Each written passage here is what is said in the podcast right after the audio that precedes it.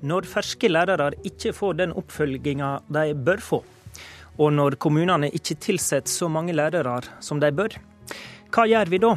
Lar vi kommunene bestemme, slik regjeringa vil? Eller tvinger vi gjennom nasjonale krav, slik KrF vil? Som vi har hørt denne morgenen, får mange nyutdanna lærere ikke rettledning, selv om kommunene og regjeringa har hatt avtale og mål om dette i årevis. Det er 20 år siden det starta forsøk, og for sju år siden trådte en avtale mellom kommunene og staten i kraft, med mål om at alle nyutdanna pedagoger snart skulle få rettledning for å døyve det som i skolen blir kalla for praksissjokket. Kunnskapsminister Torbjørn Røe Isaksen, et ja-nei-spørsmål først. Har du som mål at alle nyutdanna skal få en rettleder eller ei mentorordning? Ja. Hvorfor er det lurt? Eh, jo, for det læreryrket altså For det første burde alle nye arbeidstakere alle steder bli tatt imot på en god måte. Men læreryrket er nok også litt spesielt.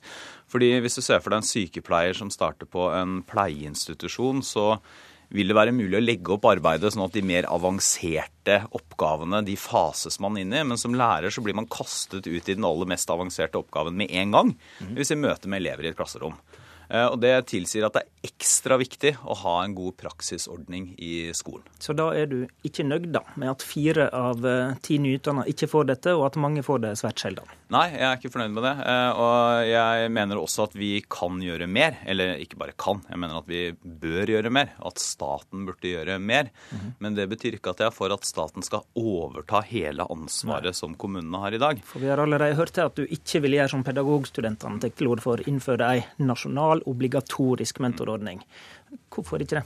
Det er flere grunner til det, men det aller aller viktigste det er at eh, selv om det kan være fristende i hver enkelt sak å si at nå skal vi bare frata kommunene ansvaret og la staten ta over, så mener jeg at det gradvis underminerer det som er kanskje det aller viktigste for at vi skal få enda bedre skoler hvor elevene lærer mer, nemlig lokale skoleeiere, lokale politikere, lokalt ansvar eh, som kan følge opp og styre politikken. Dagrun Eriksen, nestleder i KrF. Vi har uh, altså hørt dette kravet om uh, lovfesta nasjonal ordning. SV har liggende inne et forslag om dette, som snart kommer opp i Stortinget. Hva vil KrF? Vi hadde allerede i statsbudsjettet for i år, i vårt alternative budsjett, innen en obligatorisk mentorordning. og Det er en sak som vi har kjempa for i mange, mange år. Jeg husker veldig godt eh, Kristin Halvorsen som utdanningsminister og KS når de fikk denne avtalen om veiledning på plass. Det var også etter at KrF pressa hardt på for å få til en obligatorisk mentorordning. Nå skulle alt bli så mye bedre. Hovedproblemet med denne er ikke det at det er kommunene som har ansvaret. Hovedproblemet er at her ligger det ingen struktur på bordet som gjør at dette blir ordentlig gjennomført. Det er en frivillig ordning. Lærere har masse oppgaver, og dette skal de gjøre i tillegg. Ok, Men hvis frivillig er problematisk, betyr det at dere vil gå helt til å lovfeste dette, sånn at kommunene må? Ja, Vi vil innføre en obligatorisk mentorordning for alle nyutdanna lærere. Men det betyr også at vi vil legge Obligatorisk betyr lovfesta, ja, sånn at kommunene ja, må? En måte å gjøre det på er å lovfeste den, men det aller viktigste er at man da også må legge penger på bordet. Vi mener at man kunne få frikjøpt tid, både for undervisning og eh, både for den som er mentor og den som skal bli mentorert, med 20% sånn at dette blir gjennomført. Nå er det en litt sånn frivillig fadderordning. Det er ikke god nok struktur. Vi mener det må ta en mye større innsats. 33% lærere forsvinner ut ut etter dette praksissjokket og ikke ønsker å jobbe i skolen. Det har vi ikke råd til. Er ikke det å kaste bort penger som samfunn, Isaksen?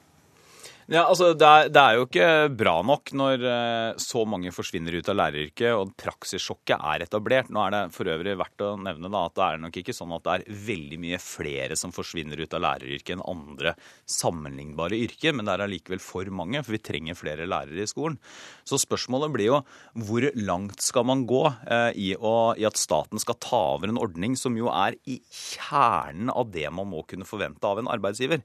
Jeg mener at eh, KrF har et veldig godt poeng når de sier at den avtalen som ligger i dag, som den rød-grønne regjeringen eh, inngikk, den er, det er en slags intensjonsavtale og kun frivillig, og det er veldig få rammer rundt det. Så jeg mener at staten skal gjøre mer enn vi gjør i dag. Det kan også være aktuelt å bruke mer penger på det. Vi jobber med en strategi nå som kommer i løpet av en måneds tid, hvor også praksisordningen kommer til å bli omtalt.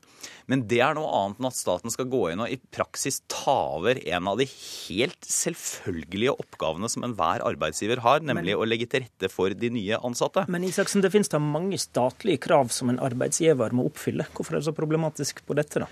Ja, det, som er, det, som er, problematisk, er at summen av alle de tingene vi eh, lover nasjonalt, og forventer at eh, Eller tar ansvaret fra kommunepolitikere og overfører det til eh, oss isteden, gjør at vi gradvis underminerer muligheten for lokale politikere, som er mye nærmere de valgte i sin kommune enn det vi er, til å prioritere, til å kunne veie forskjellige hensyn opp mot hverandre, til å lage lokale løsninger også.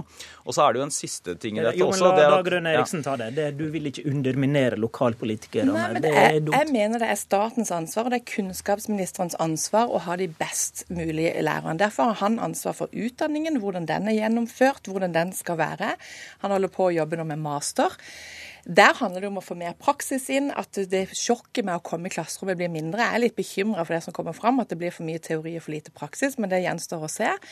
Men det, vil også si at hvis du da snur det litt, istedenfor å si og tenke at dette er første året som arbeidsgiver har ansvar, så burde dette være det første året hvor staten som har ansvar for utdanning, og arbeidsgiver som har ansvar for arbeidslivet, sammen kunne ha gjort det. Og med å få til en obligatorisk mentorordning, hvor du får frikjøpt tid, hvor det ikke blir en slags frivillig fadderordning, så vil du kunne se på dette som Sånn som legene. De har et turnusår som de må ta først, før de er ute ordentlig legestand. Her ville du kunne gjort det, og det ville gitt en mye større trygghet. Pluss at du kunne vært et godt seniortiltak for alle de lærerne som forsvinner ut. Hvis de kunne få noe redusert undervisningstid, gå inn som mentorer, så hadde du fått dette genialt. Det, det finnes et potensial eh, i Stortinget for et eh, flertall for obligatorisk ordning. Vil dere eh, påføre et, Isaksen et slikt flertall? Nå skal ikke jeg foregripe hvordan komiteen kommer til å ende, men står det om en obligatorisk mentorordning, så har vi vært klar på dette i lenger enn syv år. Vi har en lignende problemstilling i diskusjonen om lærernorm, som snart kommer opp for Stortinget etter et forslag fra nettopp KrF. Det handler om å lovfeste en maksgrense for gjennomsnittlig elevtall per lærer på en skole. Hvorfor er det lurt, Eriksen? Vi har sett at når det gjelder lærertettheten, særlig for første til fjerde klasse, så har det en kjempegod effekt for de svakeste elevene. De, eh, de skolene som har prøvd det, viser at man trenger å bruke mindre spesialundervisning når elever blir eldre. Det å være to lærere i klasserommet, det gjør at du kan få mye mer tilpassa, og det som alle har snakka om i mange år, tidlig innsats eh, på en ordentlig måte. Og da har vi også sagt skal du gjøre det, så må du også ha en lærernorm for de litt eldre elevene, sånn at ikke du bare får en forflytning av elever, nei, lærerne og lærerressursene fra de eldre elevene. Så Bjørnar Isaksen, I budsjettavtalene med KrF har du anerkjent deres poeng om å sikre lærere til småskolen. Men så er det jo rapporter på at pengene kanskje ikke kommer helt fram til klasserommet. Hvorfor ikke sikre dette gjennom en norm? Altså, det er to ting her. For det første så er jeg helt enig i at det er eh, all grunn til at du skal ha flere lærere og sette inn flere lærere på første til fjerde trinn. Det ligger delvis i lovverket i dag, men vi har jo også varsla at vi ønsker en forsterka plikt for skolen til å gi ekstra opplæring til elever som sliter med f.eks. å knekke lesekoden. Da trenger du også ekstra lærere til det. Problemet med det Kristelig Folkeparti og, og SV og andre partier foreslår, det er at det vil føre til to ting. For det at det er en regel hvor du bestemmer nasjonalt hvor store klasser skal være, for å si det litt enkelt. Det vil føre til to ting. I en by som Oslo f.eks. og andre storbyer så vil det føre til en helt systematisk overflytting av lærere og ressurser fra skoler på østkanten hvor eh, elever f.eks. 80% minoritetsandel, mange med elever med innvandrerbakgrunn, til vestkanten. For det vil ikke lenger være mulig lokalt å si at den skolen, der har vi ekstra utfordringer, da setter vi inn ekstra ressurser. Det andre det er at man må jo se for seg at uh, man ønsker at dette skal gå da, pengene skal gå først og fremst til de kommunene som har store klasser. Og hvor er det? Det er ikke Distrikts-Norge det er ikke stort sett småbyer og tettsteder rundt om i Norge. Det er alle de største byene. Så dette vil være en svær overføring rett inn til de største byene i Norge. Dette og så kan man jo stille seg bare ett siste poeng, okay, så kan man stille seg spørsmålet er det i de største byene i Norge at vi har de svakeste skoleresultatene. Ok, Dette er elendig distriktspolitikk, da med andre ord, Dagrun Eriksen? Nei, dette viser jo at distriktene gjør veldig mye godt, fordi de har klart å holde en høyere lærertetthet enn man kanskje har klart i byene. Eh, og da, og da kan og, du utvatne det? Med ditt ja, forslag? Nei, nei, for du vil jo ikke flytte det. Altså, det. Man vil bare komme godt ut. Man får ikke ekstra innsats nå. Men det jeg syns er litt eh, problematisk med argumentet her, at også svake elever på vestkanten trenger økt lærerressurser. Også svake elever i byene. Dette vil gi en stor sikring på det. Og jeg tror alle som har sett klasserom med små elever, én lærer som skal håndtere alt dette, skjønner at dette er en god ordning. Og da trenger de litt puff fra staten for å få det til. Takk til Dagrun Eriksen og Torbjørn Røe Isaksen. Diskusjonen om lærernorm den kommer garantert flere ganger fram mot valget.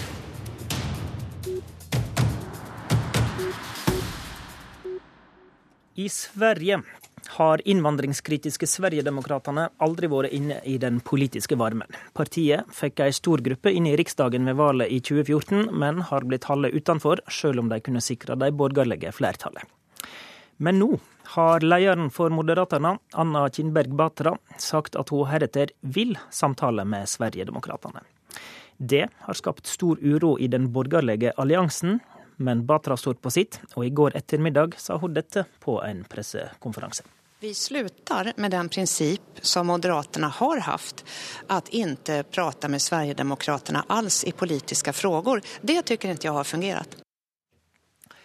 Politisk kommentator Magnus Takva. Bryter partilederen eh, dette med arven etter eh, statsminister Fredrik Reinfeldt, som jo konsekvent holdt eh, Sverigedemokraterna utenfor? Ja, det er det ingen tvil om. Men da må vi samtidig minne om at også Fredrik Reinfeldt regjerte, altså i tiden fra 2010 til de tapte valget i 2014, med Sverigedemokraterna på vippen, så å si, i, i Riksdagen. Alliansepartiene, de fire borgerlige, hadde flertall før det, men ble altså avhengig på en måte av Sverigedemokraterna eh, i denne neste eh, eh, riksdagsperioden. Så utfordringen for eh, dagens moderatleder er eh, å ta tilbake borgerlig regjeringsmakt fra opposisjon. Og da er det ingen tvil om at utsiktene til det er veldig usikre dersom man ikke regner med Sverigedemokratenes stemmer. Og det er dette dilemmaet, dette presset, som har fått moderatlederen til å endre syn her. Men som eh, vi nevnte i innledninga, dette har jo skapt flere sterke reaksjoner i den borgerlige alliansen, som i tillegg til eh, de moderate da består av Liberalerne, Sentin og Kristdemokratene. Hva er det de reagerer så sterkt på? Altså For det første, når de argumenterer, så har de en verdipolitisk argumentasjon mot å samarbeide, mot tanken om å samarbeide forpliktende med Sverigedemokraterna, ut fra dette partiets historikk og verdisyn i ulike sammenhenger, innvandringspolitikk osv. Eh, men så er det jo også, eh, som mange peker på, uttrykk for en maktkamp internt i den borgerlige alliansen mm. dette er et uttrykk for. Det er ingen tvil om at eh, senterleder Annie Løf, som har ført sitt parti høyt opp på meningsmålingene og er en mer populær eh, skal vi si, partileder enn eh, Batra. Eh, at mange ser det som en kamp mellom disse to, også om hegemoniet på den borgerlige siden. Og i, i Sverige altså Senterpartiet i den borgerlige alliansen. Men er det mulig å forstå hva slags samarbeid Batra, moderaterlederen, egentlig vil ha med Sverigedemokraterna? Nei, ikke fullt ut. Og på svensk TV i går gikk da også Jan Bjørklund, Liberalernes leder, ut i et langt intervju og sa at det må nå Moderatene svare bedre på. Det er uklart for de fleste hva som ligger i det helt i den politiske hverdagen. Men det ser ut til at uh, Moderatenes tenkning rundt dette er at man i enkeltsaker der man uh, øyner at Sverigedemokraterna er på linje med de andre alliansepartiene, så kan man skaffe flertall for saker. Uh, på privatisering, på eh, boligpolitikk osv. Eh, for å få eh, en annen og mer borgerlig politikk gjennom i, i Riksdagen. Men det forutsetter på en måte en modell for samarbeidet som, gjør, som, som innebærer at Sverigedemokraterna må tilpasse seg Moderatenes og de andre borgerlige partienes behov. Og med et så sterkt og selvtilfreds Sverigedemokraterna, så virker det politisk naivt. Tror du det er mulig, dette enda med at statsminister Stefan Löfven blir felt av de borgerlige og Sverigedemokraterna på en eller annen måte? Nei, ikke i denne valgperioden. Eh, de andre har gitt klar beskjed om at å kaste landet inn i et kaos eh, på en måte ett år før eh, det ordinære valget er uaktuelt. Takk til Magnus Takvam. I studio, Håvard Grønli.